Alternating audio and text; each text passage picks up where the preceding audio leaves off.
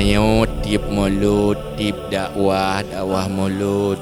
Tapi tak dengar laqad kana lakum fi rasulillahi uswatun hasanah. Sungguh adalah bagi kamu pada Rasulullah ikutan yang baik.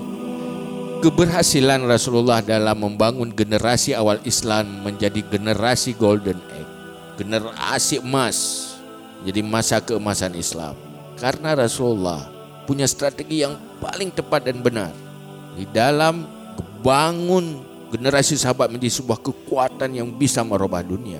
Strategi pertama, membangun prinsip dan akidah yang benar. Maka leblah tahun Rasulullah berjuang terus menerus hanya berbicara tentang iman, berbicara tentang hal yang gaib yang tidak dijangkau dan terdeteksi oleh panca indera manusia. Berbicara tentang bahwa tanyona Tuhan, tanya udip di bawah sistem Tuhan yang terjadi apa yang dikehendak dan diatur oleh Sang Pencipta. Rasulullah mengajarkan bagaimana cara beribadah kepada Allah. Sehingga kehidupan menjadi ibadah dan ibadah menjadi kehidupan secara konsep gampang. Tetapi untuk merealisasi konsep itu tidak akan mungkin tanpa akhlak yang cukup. Maka akhlak adalah hal yang utama dan modal paling utama untuk mampu menjadikan perjalanan hidup menjadi perjalanan kembali kepada Allah. Karena tanpa akhlak yang cukup manusia akan hancur, akan tersesat. Bukan tanpa ikhlas ibadah yang kita lakukan sip syarat dan rukun pun han akan bermakna apabila tidak memiliki hati yang ikhlas. Padahal itu ibadah. Danyo bangun masjid, urus masjid ibadah. Tetapi di saat danyo tamak akan menghalalkan hal-hal yang haram. Ibadah berubah menjadi maksiat.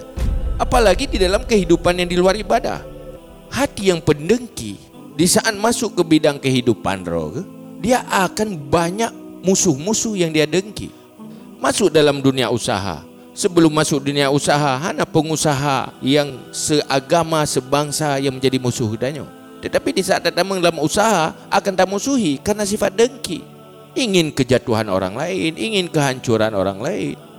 Tidak cuma dengki. Boleh jadi segolong dengan usaha, orang yang tawadu, disenangi oleh orang. Tetapi gara-gara ada usaha, sukses usaha, tak kabur timbul. Akhirnya menjadi orang sombong. Kesombongan akan menghalangi masuk syurga juga bergerak di bidang pendidikan.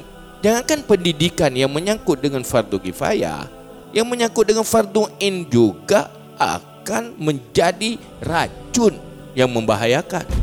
Siap bergerak di bidang ilmu pengetahuan kan cuma cukup seperangkat ilmu yang tersimpan di dalam otak dan pikiran danyo. Mungkin bu yang gop dan yang tak jawab. Masalah bisa tak urai. Tetapi jika apa ada orang yang selevel dengan kita menjadi orang yang kita dengki? Apa kita masih senang dengan kejatuhan orang yang seprofesi dengan kita? Apa hanya untuk memperkuat diri mencari popularitas?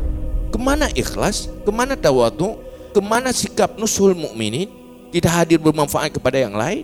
Ini tidak mungkin terjadi tanpa selesai kepribadian yang berakhlak.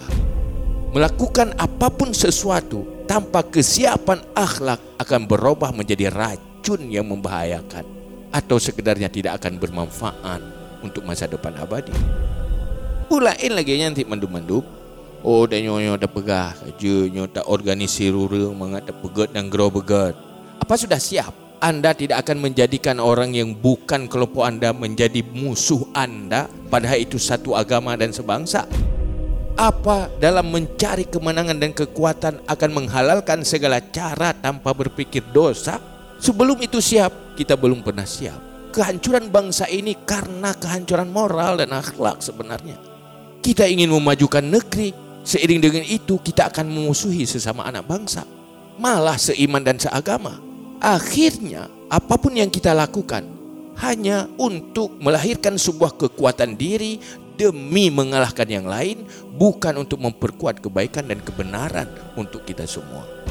Inilah gambaran singkat bahwa tanpa fondasi akhlak, manusia akan menjadi musuh bagi sesama dan akan saling menghancurkan antar sesama. Yang satu menjadi predator bagi yang lain, yang satu terzalimi, yang satu menzalimi. Kita sukses karena sukses menzalimi orang lain bukan sukses karena menyelamatkan orang lain dari kezaliman. Ini gambaran kegagalan akhlak.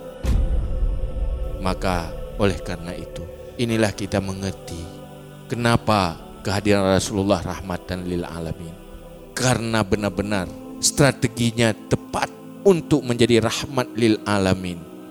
Hal yang paling urgen dan mendesak, selesaikan akhlak dan moral baru hadir rahmatan